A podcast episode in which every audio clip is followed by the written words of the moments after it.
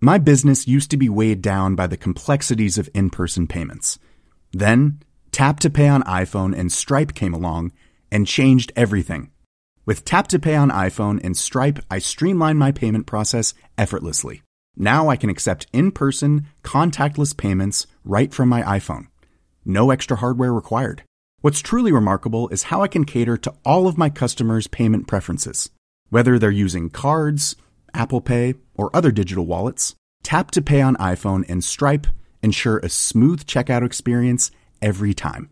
And it's not just me. Stripe helps businesses of all sizes, from local markets to global retailers, scale quickly and stay agile. To learn how Tap to Pay on iPhone and Stripe can help grow your revenue and reach, visit stripe.com slash tap iPhone. Hans Petter Co. presenteres av TrippelTex, det skybaserte økonomisystemet som gir store og små virksomheter full oversikt over økonomien.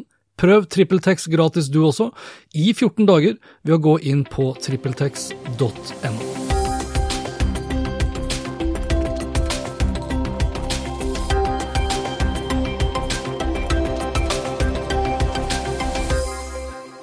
Språk er viktig som et kommunikasjonsverktøy, selvsagt, men språket vårt og hvordan vi snakker og behandler språket vårt, sier også veldig mye om oss selv. Og det er ikke minst en viktig del av vår identitet. Og er det én person som kan mye om språk og om tekst, så er det Kristine Calvert, også kjent som Norges eneste tekstdoktor, en tittel som for øvrig er beskyttet. Kristine underviser, holder kurs og foredrag om språket vårt, og om eget kjærlighetsforhold til god tekst og godt innhold som et avgjørende virkemiddel i f.eks. digital markedsføring. Hun har holdt på med skriving og innholdsutvikling i et kvart århundre som tekstforfatter i reklamebransjen, global nettredaktør i DNV GL og som tekstevangelist i Beck. I tillegg så er hun forfatter av to bøker, Skriv for nettet kort og godt og Skriv så det selger, som kom ut for snart ti år siden. Hun har også vært gjest hos meg tidligere, eller rettere sagt hos Marius Carlsen og meg selv, for snart fire år siden, og det var da kort tid etter at vi hadde startet nylig nedlagte Mediapuls. Kristine Calvert jobber for det meste i Oslo, men bor på vakre Hvaler, og for kort tid siden, under en hyttehelg på nettopp Hvaler, møtte jeg Kristine for å snakke om hvordan det står til med språket vårt, om små skjermer, korte oppmerksomhetsvinduer, emojis og anglisismer, og rettskrivingsproblemer. Og om det beriker eller raserer språket vårt. Dette er Hans Petter og co. Jeg heter Hans Petter, og denne episoden ble spilt inn torsdag 30. mai. God fornøyelse. Sist gang vi snakket sammen på en podkast, det var da Mediapuls, eh, episode 13, og det var tilbake til 2015. Og da frykta du for språket. Hvorfor frykta du for språket da, og har frykten blitt større eller mindre i løpet av de siste fire årene? Ja, jeg vil si frykten er vedvarende. og det, det, vi snakket om, var eh, Da snakket vi om at går språket til helvete i norske medier. Ja. Og eh, det jeg sa Jeg sa jo også den gangen at jeg har jo ikke noe svar på det. Nei. Jeg syns faktisk, hvis jeg skal si, snakke om mediene først så syns jeg kanskje språket er blitt litt bedre. Ja. Men når du da snakker ja. om mediene, da snakker vi om de redaktørstyrte mediene? Redaktørstyrte ja, for vi var vel innom også bloggere, f.eks. Nå, mm. nå er det jo færre som blogger og flere som som prater. Som prater, og instagrammer osv. Så, videre. mm. så problem solved. problem solved. Jeg lurer faktisk på, og dette jo, har jo ikke forsket på, jeg lurer faktisk på om folk har blitt litt mer bevisst på hvordan de skriver og prater. Og jeg tror at i de redigerte mediene, fordi vi nå er flere som betaler, det er jo blitt mye mer betalingsmurer, eller flere betalingsmurer nå enn før, ja. så håper håper jeg. Jeg har et slags inntrykk av at uh, språket har blitt bedre. Men så kan det også ha noe med hva jeg abonnerer på. Jeg abonnerer på DN og Dagsavisen og Aftenposten og Kampanje og podkasten din og podkasten til Marius Carlsen og Isabel Ringnes. Der syns jeg det er veldig godt språk. Ja. Så det er kanskje det at jeg omgir meg med medier som jeg syns er veldig bra. Men kan det, og det blir jo bare det blir jo eh, hva heter det, det blir jo en spekulasjon, da, eh, men mm. kan det tenkes at siden man har begynt da med, med murer, betalingsmurer, mm. og man betaler og abonnerer, så, er, så har man kanskje litt bedre tid til å skrive godt? Jeg håper det. Jeg kan ikke svare på vegne av avisen, men jeg håper at de har tid til å levere mer kvalitet. Og det virker jo sånn. Mm. Altså Innholdsmessig så, så syns jeg det er, eh, vi har fått et løft de siste årene. Men hva gjør det med brukeropplevelsen da, når, når språket er bedre? Vi får ikke det filteret. Hvis, hvis det er dårlig språk, så får vi et filter, og i hvert fall jeg sitter og omtrent eh, leser korrekturen i hodet mitt. Med en gang jeg slipper å gjøre det, og særlig det med at jeg gledes over godt språk. Jeg kan jo nevne eksempel, jeg syns Eva Grinde er helt fantastisk, det har hun vært hele tiden. Men jeg merker at når jeg skal Jeg abonnerer jo på hennes ting, for jeg syns både innholdet Dagens Næringsliv. Dagens Næringsliv, spalte i Dagens, Dagens Næringsliv. Eh, og jeg syns hun er så utrolig bra, og jeg merker at jeg sitter og koser meg når jeg leser. Hege Ulstein, det er mange jeg syns er utrolig flinke. Dagsavisen, er det ikke? Ja, i Dagsavisen. Så, og også muntlig å høre på sånn som Aftenpodden med Trine Eilertsen, Sara Sørheim, Lars Glomnes.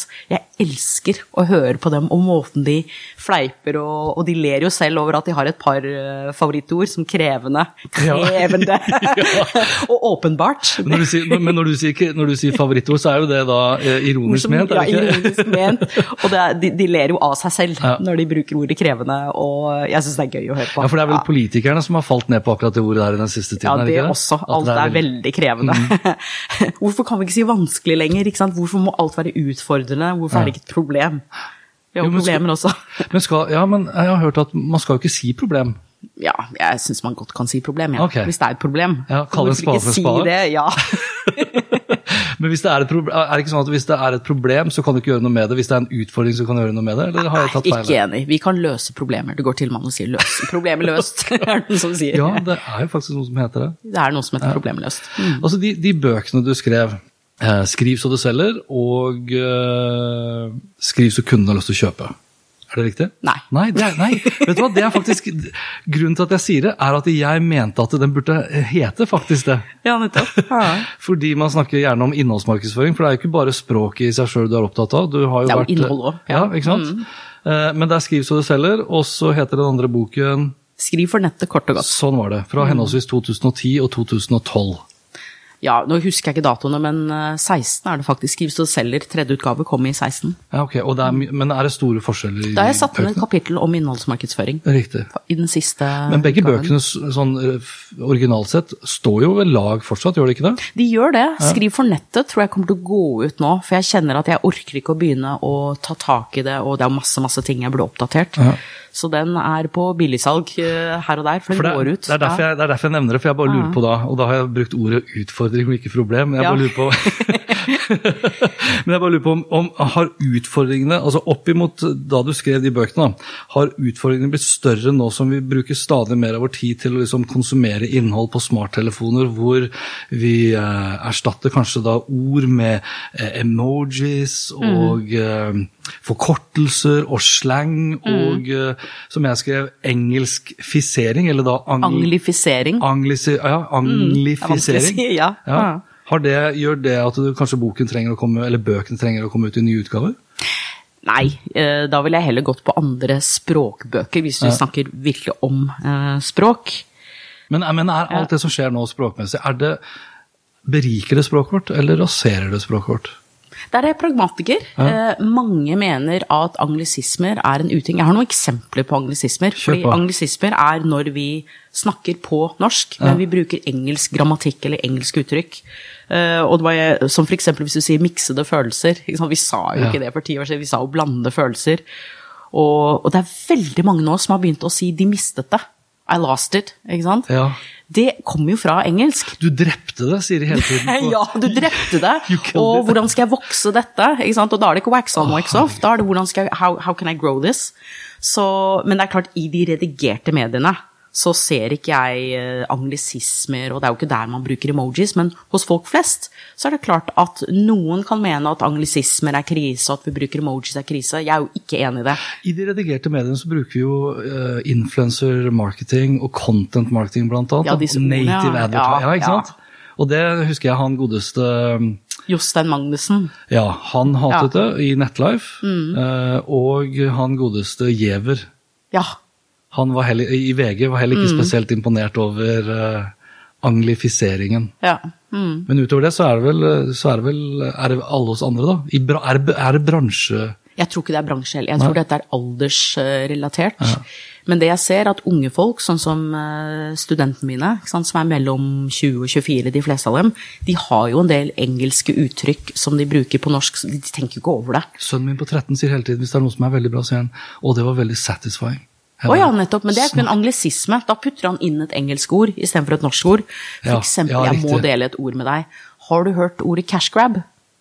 Nei. Vet du hva cash grab Nei, da vet ikke du hva cash grab er. Det er når du har produsert film nummer én, film nummer to, film nummer tre, og så kommer du med film nummer fire som er helt ræva, og det er bare for å håve inn penger. Ja.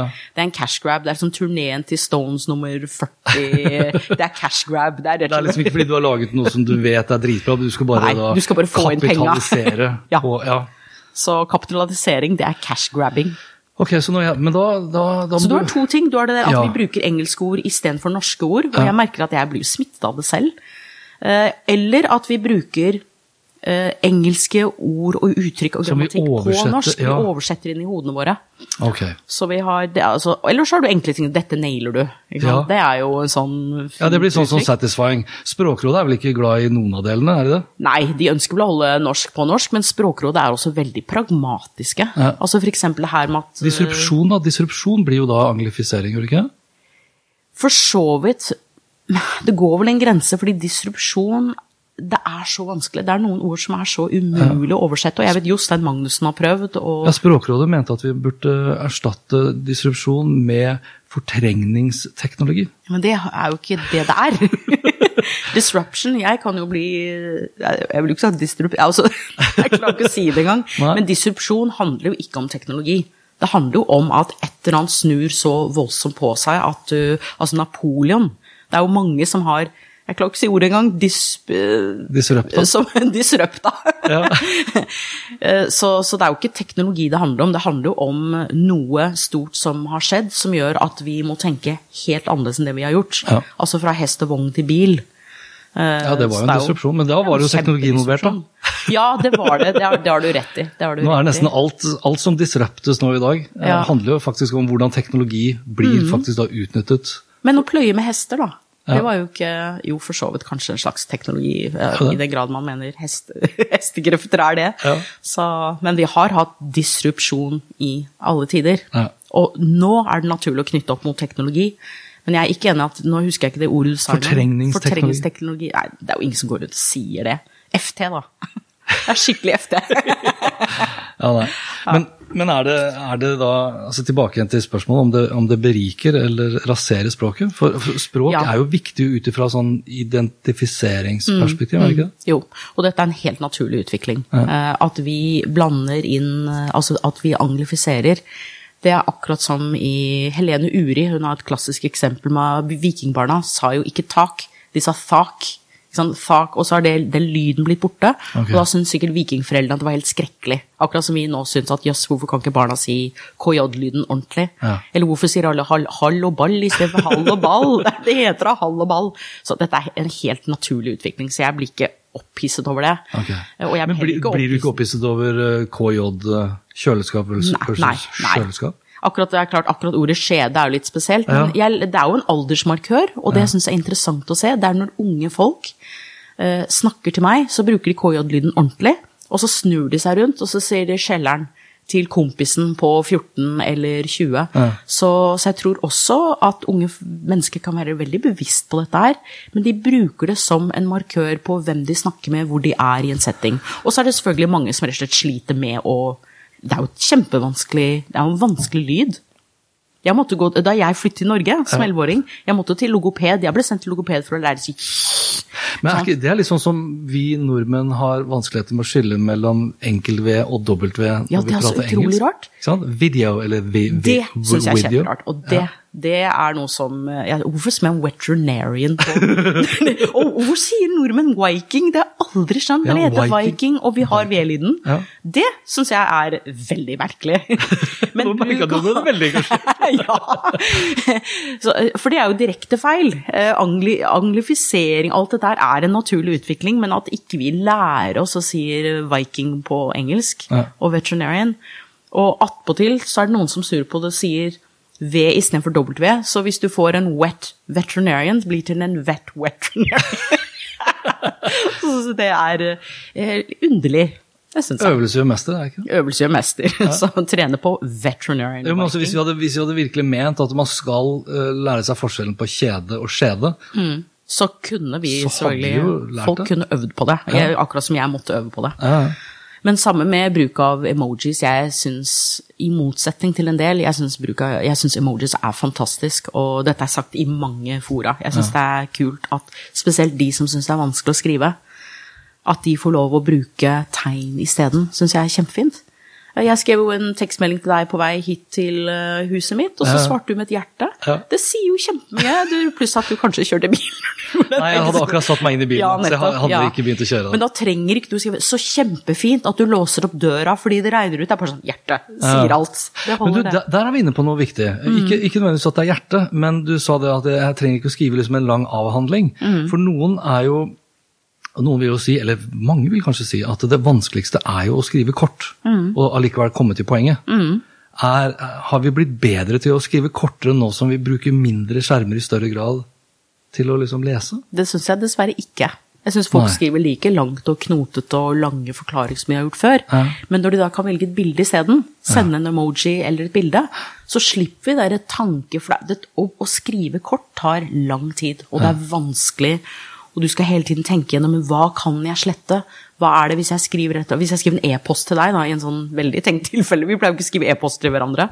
Men hvis jeg skriver en e-post til deg, så tenker jeg jo gjennom hva trenger du å vite, og hva er det du ikke trenger å vite. Så når jeg skriver e-poster eller nettsider, så ender jeg ofte med å slette halvparten. Men jeg syns det er viktig at folk skriver først, og så får det ene lille kritiske blikket på Trenger egentlig Hans Petter å vite at jeg la meg seint i natt? Nei, han trenger ikke det. Da sletter jeg det. Det er ikke viktig for at vi skal møtes og ha den praten, f.eks. Men du må jo samtidig altså hvis du, Det er jo rom for tolkning hvis jeg bare etterlater et hjerte til deg. Og Det er jo en utfordring når vi da skriver. altså Når, når jeg er en avsender og du er en mottaker, så kan jeg ha tenkt noe helt annerledes enn det du oppfatter. Så jo mer jeg kutter ned på den teksten, da må jeg i hvert fall være ekstremt flink da, Ja. til at jeg får frem akkurat det jeg mener. Og du kan jo tolke et eh, blunkesmilefjes eh, som jeg mener var bare koselig med. Det kan Ja. du tolke som ironi eller sarkasme. Nå prøver han seg på meg, tenker jeg da. ja. Jo, men sånn, Det kan også være sånn veldig bra hersketeknikk. Det ser man ofte i kommentarfeltet f.eks. At jeg kan være, La oss si at jeg er uenig med deg i en diskusjon, og så etterlater jeg det med en sånn Smilefjes, ja, eksempel. Bare for at jeg vil at det skal være god stemning, tenker jeg. Men du kan tenke liksom Fader, for en asshole som, ikke sant? Som gjør det sånn. Eller Godt ord å bruke. ja, ja, er det ikke det? Jo. Jeg, det syns jeg er skikkelig Om jeg skal bruke R-ordet, det syns jeg er skikkelig ræva. Altså når folk Ja. diskuterer, og de er sure på hverandre, og, de, og så putter de på disse smilefjesene Ja. hele tiden. Eller ha en fin dag. Ha en fin dag. Etter at du liksom har nesten skjelt ut vedkommende. Du, det er faktisk morsomt. Apropos ha en fin dag. Leser du Filter? De har en kjempebra nyhetsbrev. Ja, og de kommer med sånn Filter med Brexit ja. og Boris og det ene med andre, og så avslutter med å 'ha en fin dag'. Men du, Det er interessant egentlig at du nevner det. For de som ikke da eh, abonnerer på den nyhetsbrevet, så bør man jo gjøre det. For det, jeg syns de er veldig skarpe. Kjempefint. Ofte andre vinklinger enn det kanskje veldig mange andre av eh, våre tradisjonelle medier har. Mm. Uten at det er Det er ikke alternative nyheter, bare så det er Nei, sagt. nei, men det er supplement. Ja, Men det jeg har reagert på der, eh, og det gjør jeg titt og ofte, det er at jeg syns de er veldig tettpakka. Mm. Jeg syns de etterlater lite pusterom. Du som en tekstdoktor, for det er du jo fortsatt. Ja, det er jeg fortsatt. ja. Hva, hva tenker du der, liksom? For jeg får ikke, jeg får ikke pustepause. Og da Mm. blir, jeg, da blir jeg sliten, såpass sliten at jeg kanskje ikke orker å lese gjennom alt det. Men med tettpakka mener du visuelt? At Ja. det er masse Ja, de kunne fint tatt eh, flere avsnitt. det er nesten sånn at de Ja. bruker, de bruker eh, Nå skal jeg prate norsk, da. De uthever. De Ja. uthever de forskjellige eh, segmentene i Mm. nyhetsbrevet, men de har ikke et mellomrom imellom engang. Nei. Det at de uthever, er jo kjempebra. fordi hvis jeg har skikkelig dårlig tid og ikke Jeg prioriterer å lese filter. Hvis jeg ikke rekker det, så kan jeg skanne over, og så ser jeg de viktige tingene. Og så tenker jeg, ok, da vet jeg i hvert fall noe om det, og så forkaster jeg den, eh, eller sletter akkurat den e-posten, eller det nyhetsbrevet. Men de kunne godt hatt mer luft, ja. Jeg er helt enig med deg. Det har jeg ikke tenkt på, fordi filter er for meg når jeg går, jeg går liksom inn i en boble når jeg leser filter. Så akkurat der tenker jeg ikke over det. Men det er klart Hva, at det er men hva leser du filter på, da? Leser du det på smarttelefonen din, eller leser du det på datamaskinen din? For det tror jeg også er en stor forskjell. Det er veldig mye på mobil, for jeg sitter jo Å, masse på Hvalerbussen. ikke sant? Jeg Ja, ja. sitter jo to timer hver vei og leser eh, Dagens Næringsliv, alle, all disse oppdaterings... eh, Ja. DN Ekspress, de er Ja, flinkere til å, til Men de er også mye kortere. Eh, Der Ja, det er jo egentlig bare headlines. Ja, for de skal jo egentlig bare lede inn til avisen, mens filter kan du lese som en bitte liten avis i seg selv. Nå sa jeg headlines, jeg burde egentlig Ja, sagt er overskrifter. Ja, det er så fort gjort. Ja. Nei, for Grunnen til at jeg spør, er jo at eh, hvis du tenker liksom tilbake til de tradisjonelle avisene, det fins jo fortsatt tradisjonelle, altså papiraviser, så kunne man jo tillate seg å skrive ganske lange eh, paragrafer, heter det det? Avsnitt. Avsnitt, før man da liksom ga et pusterom. Ja. Men, eh, og jeg syns Dagens Næringsliv er et godt eksempel også, Aftenposten for så vidt og, i tillegg, og VG ikke minst, har blitt gode til å forstå leserens eh, lesemønster på mobil, Ja.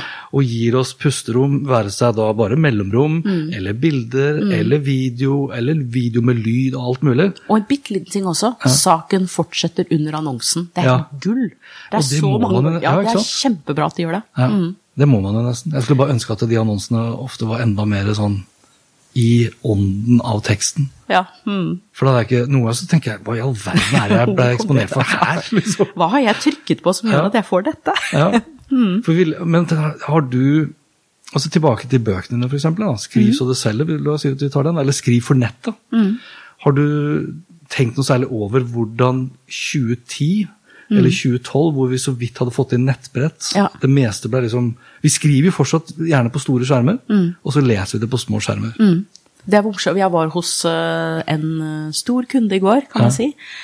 Eh, Og det jeg, det jeg sa til dem, var selv om det ser teit ut på desktop, det er bedre at det ser dumt ut på desktop, at kanskje Ja. noe bare blir én eller to linjer, og at det ser bra ut på mobil. Så viste jeg eksempler. Sånn ser siden din ut, det ser egentlig bra ut, og så viste jeg skjermbildet av mobilen min. Se her på mobil blir dette kjempevanskelig. Mm. Så hele mobile first, for å si noe på engelsk, er Men det tror jeg er kjempelurt. Ja, tror du ikke det? Så, så jeg tror man skal tenke at vi eh, leser Dette er jo en selvfølge, vi leser jo mer og mer på mobil, alle vet jo det.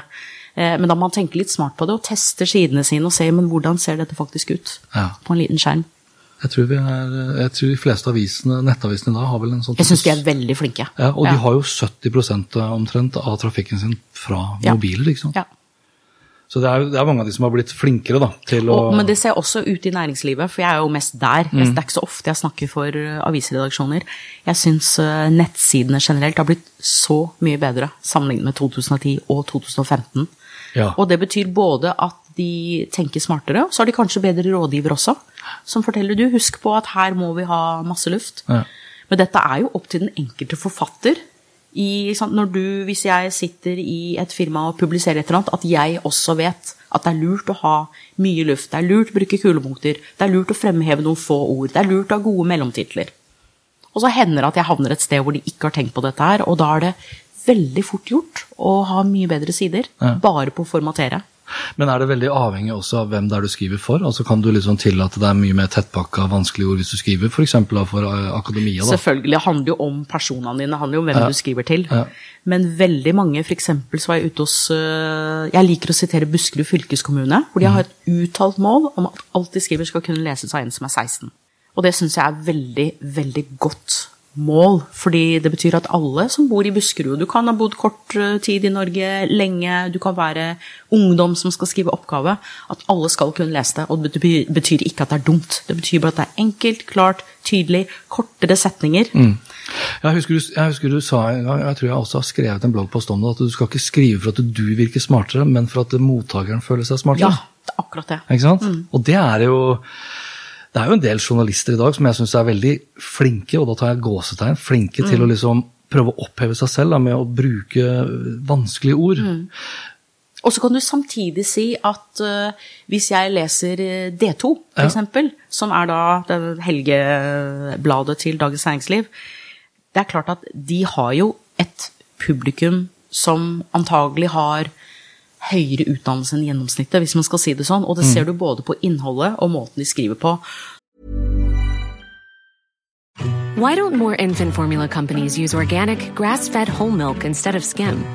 Why don't more infant formula companies use the latest breast milk science?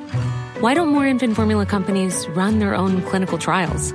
Why don't more infant formula companies use more of the proteins found in breast milk?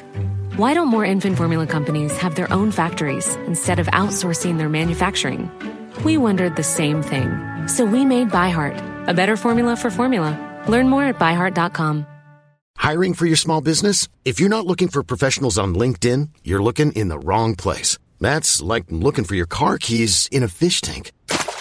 LinkedIn helps you hire professionals you can't find anywhere else, even those who aren't actively searching for a new job but might be open to the perfect role. In a given month, over 70% of LinkedIn users don't even visit other leading job sites. So start looking in the right place. With LinkedIn, you can hire professionals like a professional. Post your free job on linkedin.com slash achieve today. Så for meg så er også D2 et pusterom hvor jeg virkelig kan bade i språk og kose meg. Jeg syns det er så godt skrevet. Så det er jo ikke alle steder alt skal være superlettlest og veldig tydelig. Så det spørs jo hvilke kanaler dette her, hvem er leseren. Ja, og det, for det var, det var et oppfølgingsspørsmål til det jeg tenkte på. For det er jo, hvis du hele tiden skriver veldig, sånn, veldig enkelt, da, bare bruker de aller enkleste sånn, grunnskoleord, så blir jo ikke språket vårt noe særlig rikere av det. Så Nei. vi bør kanskje vi som mottakere også bli litt utfordret av Yes. den teksten vi leser, burde vi ikke det? Men da kommer jeg til en ny hjertesak, da. Ja, kom igjen. Les bøker. Les god litteratur, fordi da får du virkelig Du får utfordret deg, du eh, Og det å lese med et metablikk og se hva er det jeg syns her som er skikkelig bra? Hvorfor syns jeg det er bra? Oi, så morsomt at uh, hen skrev dette istedenfor å skrive dette. Det, det gjør at jeg føler at jeg blir et bedre menneske. Altså jeg blir et bedre språkmenneske, og jeg vil gjerne utfordres, men ikke nødvendigvis på avisnivå, og ikke når jeg går inn til en bedrift, Nei. men at vi alle leser ting som utfordrer oss litt, syns jeg er viktig. Men du, du som da underviser for studenter, eh, hva er din erfaring med studenter og lesevaner? Ja, jeg pleier å spørre eh, på starten av eh, hvert år, det er en ny klasse, hvem er det her som leser bøker? Og i en klasse på 40 på digital markedsføring, så er det én som rekker opp hånda. Det er alltid en jente. Oi. Det er én som leser bøker, og dette er nesten uten unntak. Nå gleder jeg meg til jeg starter med en ny klasse på Høgskolen Kristiania til høsten. Stille det spørsmålet. Og så snakker jeg varmt om hvor lurt det er å lese bøker, og også at folk ute i næringslivet forventer at du har litt Her kommer engelske skills. altså Du skal ha litt peiling. Du skal vite at 1984 ikke Eller Big Brother, da. Ikke bare en TV-serie, men det kommer fra boken til George Orwell. Du skal ha litt allmenndannelse. Eh, og det er klart at det er vanskelig for meg å gi den allmenndannelsen til en student på et par og tjue, men i hvert fall å dele at dette forventer alt etter hvor du havner ute i næringslivet. Og det syns jeg kanskje er det triste med digital markedsføring og digital markedsføring, at det blir fort det samme. Vi har jo snakket om tidligere CRM, CPC, alle disse forkortelsene. Ja. Eh, Men jeg savner en høyde over språket, spesielt i innholdsmarkedsføring. Ja, jeg, snakker, jeg, jeg savner vel en, en, eh, en høyde over språket egentlig i alle sammenhenger. For vi som markedsfører også, og jeg har sluttet med det for lenge siden, bare så det er sagt, men mm. man har hele tiden hatt det her fokuset på uh, å jage etter den oppmerksomheten. Da, ikke sant? Vi har jo sånn eh, hva heter den her urban myth om at vi uh, har åtte sekunders uh, hukommelse Ja, ja, og så videre. og gullfisk og- ja. ja, det hele gullfiskopplegget. Og at vi ikke vil scrolle, og det er bare tull. Klart vi gjør det. Ja, vi gjør jo det. Og ja, vi scroller jo meter på meter. Vi men, i vei. Men vi har jo ikke altså, å, nå, Når vi sitter her og prater språk, nå skulle jeg si attention span. ikke sant? Oppmerksomhetsvindu. Ja, ja, okay. Ja, men det er bra ord. Vi har jo et lavere oppmerksomhetsvindu, men jeg tenker, skal vi, skal vi bare akseptere det? For det er jo det man, altså Når du har én person som rekker opp hånda, så har vi på en måte liksom kommet dit hen. da, At vi anerkjenner nærmest at alt vi liksom skal lese, er på en liten mobiltelefon. Og bøker sånn sett da blir helt sånn fremmed for vedkommende, for det handler egentlig da om et bilde som engasjerer, med en god overskrift. Og muligens så leser du ingressen før du liksom hiver deg ut i kommentarfeltet med masse følelser. Altså sånn etos, logos og, og Ja, patos osv. Så, ja. videre, så har det blitt for mye følelser, og for lite fokus på eh, på liksom det, altså bevis og, og fakta i, i dette postfaktuelle samfunnet som vi har blitt en del av. Hvordan i verden skal vi liksom slå tilbake på det? da? For sosiale medier har jo egentlig ødelagt mye der. Ja, og spørsmålet er kan vi slå tilbake. Ja. Kan vi, og det, så spørs det også hvilken Er det et problem, eller er det en utfordring? Det er mulig at dette er et problem, eh, og det er klart kommentarfelt, og, og det har jo både du og jeg sett hundrevis av ganger, at noen setter i gang, de ser bare en overskrift, Riktig. og så setter de i gang å få disse blæ blæ ut av landet, og så er kanskje saken til og med en positiv sak, nå ser vi at de og de bidrar, og homofiles rettigheter, det kan være et eller annet som egentlig er veldig bra. Så jeg tror at vi skriver sånn at vi er helt tydelige og ikke unngår misforståelser. Samtidig så vet du at folk elsker følelser og patos. We're suckers, altså. Ja. Så, så jeg har jo ikke noe svar på det, men alt vi kan gjøre Jeg, jeg prøver i hvert fall som min lille, lille naive sjel jeg er, at de tingene jeg snakker om, og de kommentarene jeg har i sosiale medier, og det jeg gjør overalt, skal være noe som er ålreit og oppbyggende, og at jeg heier på folk. Um, og jeg tror at de av oss som er opptatt av omdømme, det å lage et godt bilde av seg selv i sosiale medier og bidra til en litt bedre verden, er en god ting. Så det høres kanskje litt sånn flosklete ut, men det er i hvert fall noe som er viktig for meg og min i anførselstegn merkevare. Ja. ja, altså jeg håper jo På en måte så håper jeg at uh, Vi begynte jo i stad med å snakke om uh, betalingsmurer, og at vi abonnerer og betaler i økende grad for nyheter.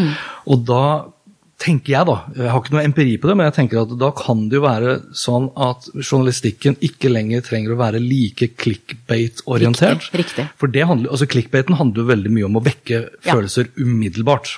Og, så blir det, og så har det da vært en sånn balansegang mellom hvis jeg blir for clickbait, så får jeg ikke klikk engang. Du får bare kommentarene. Mm. Ja. Ikke sant? Ja. Eh, og hvis jeg ikke er noe særlig clickbait, så får jeg ikke oppmerksomhet nok til at jeg stopper opp i min liksom evige 90 meters scrolling per dag. Mm. Så, hvor, så, så da må du prøve å lande et sted midt imellom, og Facebook har jo kjørt en del sånne algoritmeendringer. Ja. Men jeg håper jo da at eh, fakta kan bli en del av hverdagen når folk er i økende grad villige til å betale for nyheter. Mm. Ja, men jeg tror det er mellomting. For jeg tror at de sakene som ikke er plussaker, Ja. der skriver ofte Nå skal ikke jeg nevne noen aviser, men aviser jeg har vært hjemme hos og sett hvordan statistikken funker, Ja. så skriver de, kan godt skrive litt mer fristende, nysgjerrighetsvekkende på de sakene som alle kan se.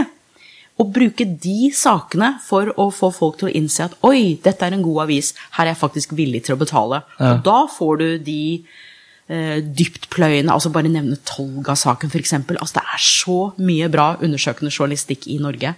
Og ja, vi er villige til å betale. Og det er selvfølgelig ikke alle mennesker som er villige til å betale for nyheter, så du får kanskje til og med forsterket den der forskjellen vi har, de boblene vi har. Og da får du de alternative nyhetene i tillegg, da. Ja, da kommer det i tillegg. Og det, det, det spørs også på erfaring, utdannelse, bakgrunn. Ja.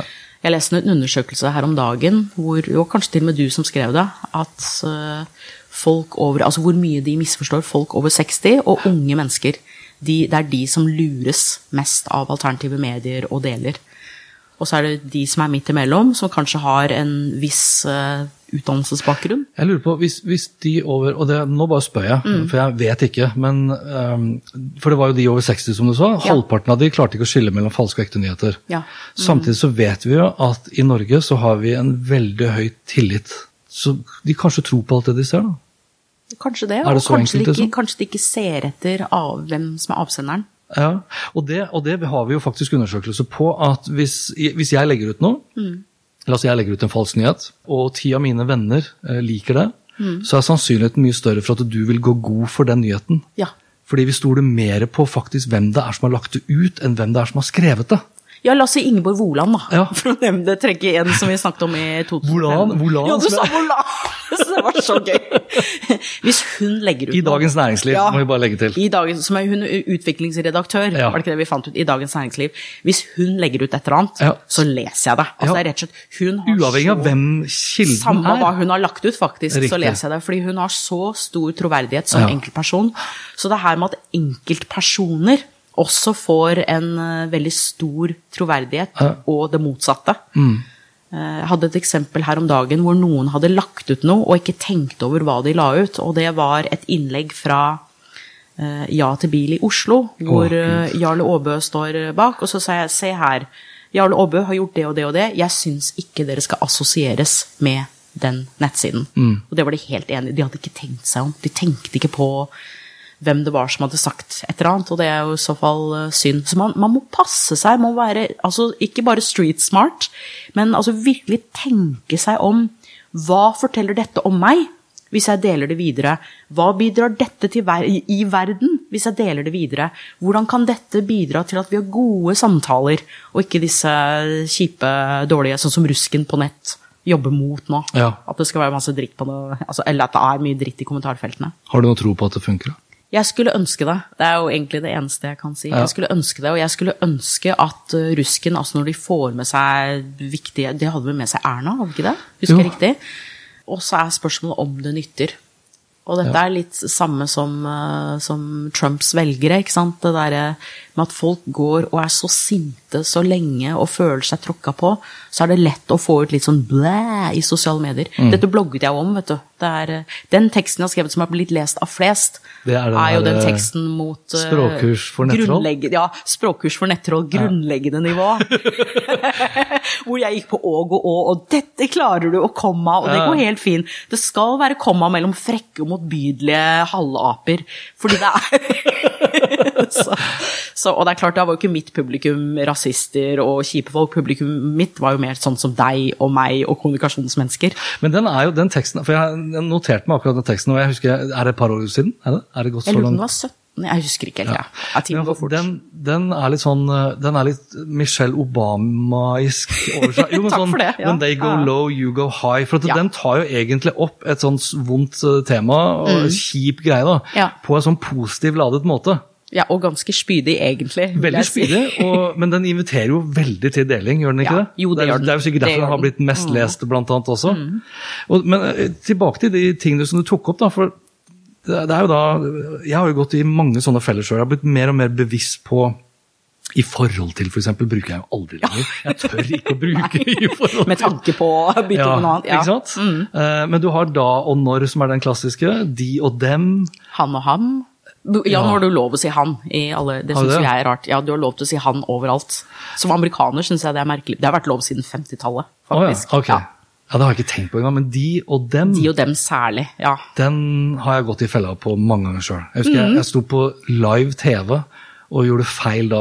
Visste jeg ikke sjøl, men jeg fikk jo da selvfølgelig en del sånne Mm. Ja, ja, ja. meldinger tilbake. Og da tenkte jeg liksom, herregud, jeg, jeg sto live på TV og snakket om politikk i fem minutter, og det eneste du fikk med deg, det var at jeg sa feil. Sa de istedenfor dem, ja. men hva er regelen der, de versus dem? Jo, tenk på dem og they. Altså. I gave them. Jeg ga dem et eller annet. Eh, ikke jeg ga de. Nei. Som er lett å si. jeg syns, jeg syns det høres feil ut, rett og slett, Ja. Mm. å si dem. Det høres dårligere norsk Men jeg tror hvis du oversetter engelsk i hodet ditt, Ja. det, er det, det er det jeg tipser studentene om. For det er mange De, de fleste sier jo Them de altfor ofte. Ja. Bare hvis du skal gi dem et eller annet, så er det dem, dem. Det er nesten det samme ordet. Ja. På samme måte som mange bomber på hun og henne også. She and her. Men det er litt vanskelig. Men akkurat de og dem er så lett å bare them oversette i hodet sitt. En annen ting som jeg kikker på, er eh, enda og ennå. Og det er noen som syns at ennå høres så fint ut, og så sier de ja, men det er ennå større. Ja.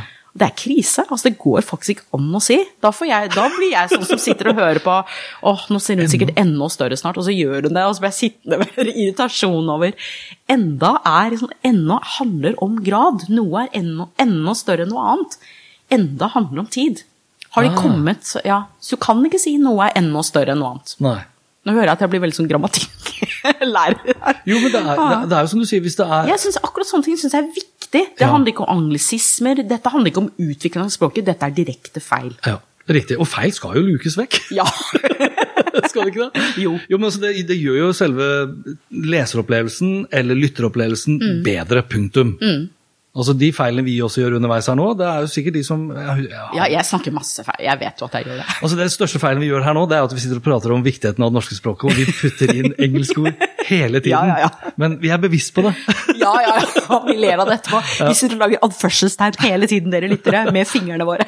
Men hva er, hva, hva er, hva er konsekvensen av at, at språket blir dårligere, liksom, utover at vi irriterer oss over det, f.eks.? Det er klart at vi kan bli mer utydelige. Eh, og så tror jeg at hvis språket er dårlig, så lager vi oss filtre i hodet. Som sagt, vi leser ting på en annen måte. Hvis eh, noe er dårlig, så blir vi sittende og reagere på det, istedenfor å legge merke til innholdet. Ja. Så, og jeg mener at godt innhold fortjener et godt språk. Men det er det vanskeligste òg. Ja. Å lage godt innhold. Det Å lage godt innhold er vanskelig. Ja. ja, altså det finnes jo, jo flere eksempler på dårlig innhold og innholdsmarkedsføring for eksempel, enn godt, gjør det ikke det? Jo, jeg fortalte et lite eksempel på det. Jeg vet ikke om jeg skal ta med det nå, jeg. Jo, gjør det. Jo, det var noen som eh, En fyr som sendte en veldig hyggelig e-post til meg og sa Beklager at jeg forstyrrer deg, jeg har bare truffet deg én gang. Men vi tror at det innholdet vi får fra et byrå er veldig dårlig. Har du mulig å titte på det? Og akkurat da hadde jeg litt ledig tid, og så sendte han over, og så skrev jeg tilbake til han dette er helt krise. Eh, Du kan ikke skrive, som vi alle vet, er Danmark et flatt land. Altså, det er sånn, det er, vi trenger ikke Dette vet vi. og det var, det var dårlig språk, dårlig innhold, Um, virkelig dårlig. Og så jeg til, skrev jeg tilbake til han dette er virkelig ikke bra. Og så skrev han, for du skjønner, vi har en innholdsleverandør hos oss, og hun, hun bruker jo masse tid på å skrive om det vi får fra dette byrået.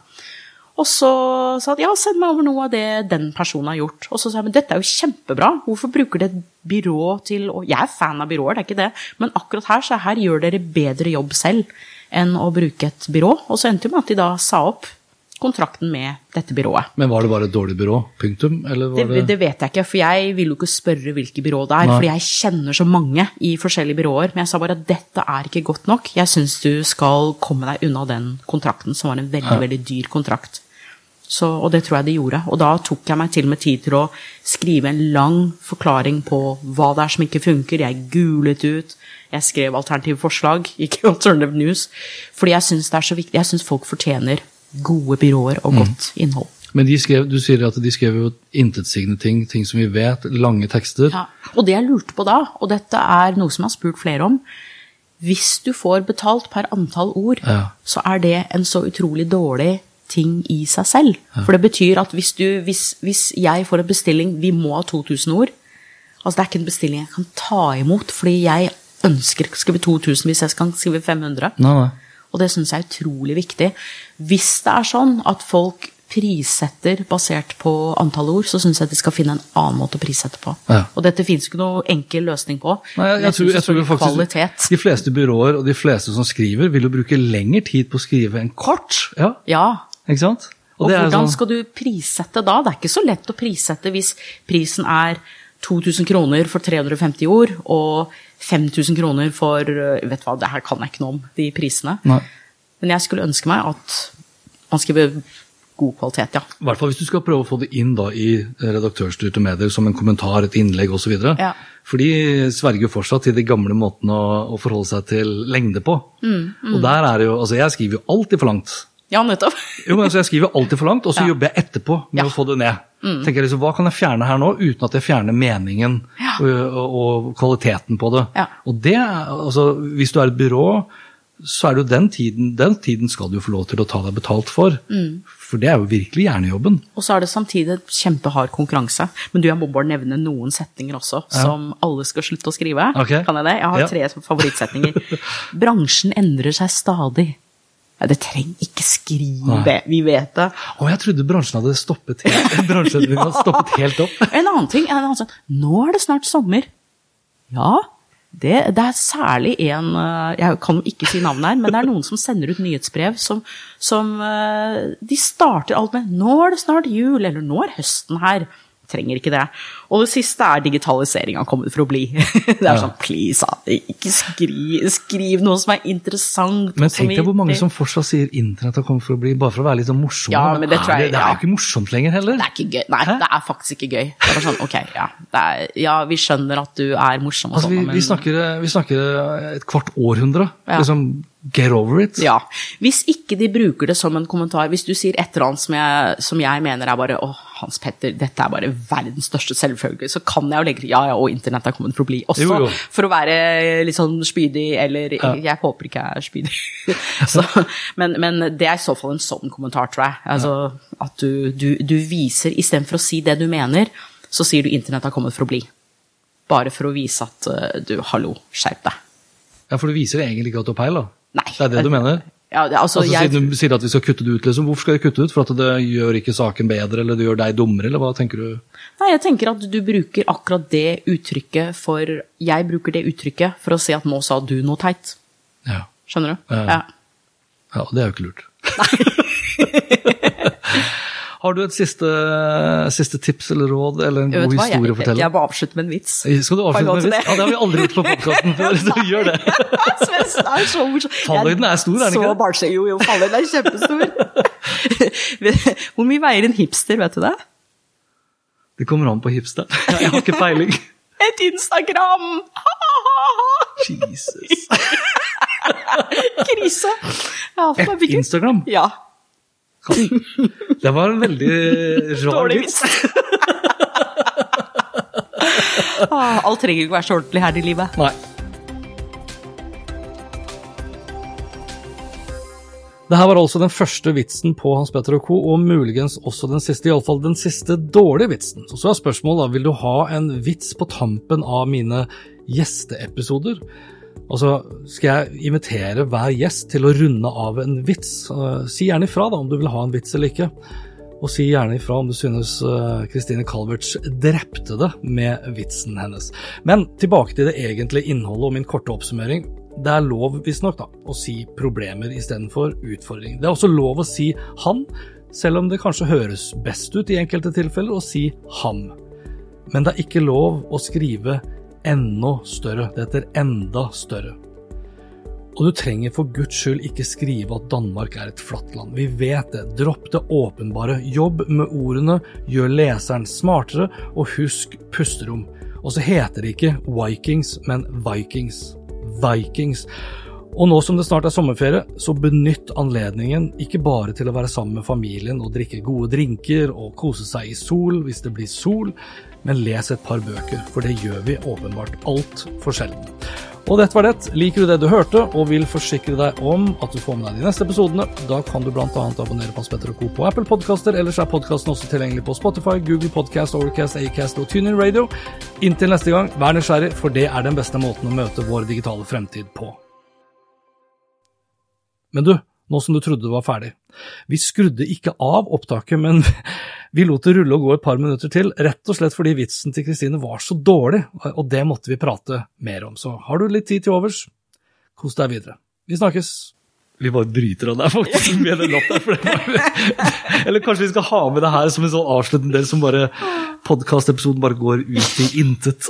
Ja, sånn, ha, ha, Et. Instagram. Hva er et Instagram? Altså Instagram eh, liksom? hipstere. Nei, det vet jeg ikke. Det er bare sånn Hvor er det du fanget opp den vitsen her? Eh, opptaket står på. Hvor- Ah, Det er kul vits når du forklarer Ja, vitsen Når du legger ut maten din på Instagram, Ja, for eksempel, eller litt sånn akti- hipsteraktige ting, da, så er det Så du er, du er egentlig uh, hipster så lenge på Instagram Instagram. bekrefter at du At er en hipster. hipster. Herregud. Jeg følte meg egentlig, jeg er usikker på om jeg følte meg ung eller gammel da du satt og lo, lo av den vitsen der. Og det morsomme var at du ble helt stille først. Ja, ja. og så begynte du- Altså, den, vi kjører bare helt, det her kjører vi bare rett Ja, ut. ja, men litt, litt dårlige vitser. Og sånn. dårlige vitser. Men det, det er morsomt hvis du skriver innledningen. eh, Hva mener sånn og sånn og sånn? Og, og, og, hva er en skikkelig dårlig vits? Eller sånn et eller annet Ja. sånt. noe Går det an å Fordi da, For det, det som er morsomt, da får du dem til å høre på hele episoden. De lurer på den teite vitsen. Så det er også en måte å lokke folk eh, Det med å tenke litt dramaturgi. Mm. At du sier et eller annet i begynnelsen som du vet du kommer tilbake til, er en måte å få, få folk til å lese. Det var jo sånn, det var sånn vi gjorde, Marius og jeg også, med Mediapuls etter hvert. At vi liksom, litt inne i episoden så sa vi hva som kom mot slutten, men først. ikke sant? For å holde, Og det så vi jo, vi så det på, på grafen eh, fra Acast og iTunes-verktøy. Så kunne vi se at grafen gikk opp på hvor lenge folk lyttet. Ja, for da venter de på den Mm. nuggeten. Så- Det er jo sånn som man bygger konferanser. Sant? Ja, ja, ja, så klart det. sparer man liksom eh, keynote. Du har en keynote til å begynne med, som Ja, er trekkplass for at du skal komme tidlig, og så har du en keynote på slutten. For at ikke, og så går alle ut og jobber i midten, men det er det ingen som bryr seg.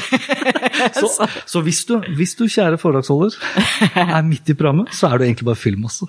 Det hadde faktisk vært gøy eh, en gang å snakke om foredrag, altså når du har liksom om et år eller noe sånt da, og snakke om hva, hva er god kommunikasjon på scenen, eller sånn trekke... Ikke sant? Det kunne vært morsomt. Hey, it's Danny Pellegrino from Everything Iconic. Ready to upgrade your style game without blowing your budget? Check out Quince. They've got all the good stuff shirts and polos, activewear, and fine leather goods, all at 50 to 80% less than other high end brands. And the best part? They're all about safe, ethical, and responsible manufacturing. Get that luxury vibe without the luxury price tag.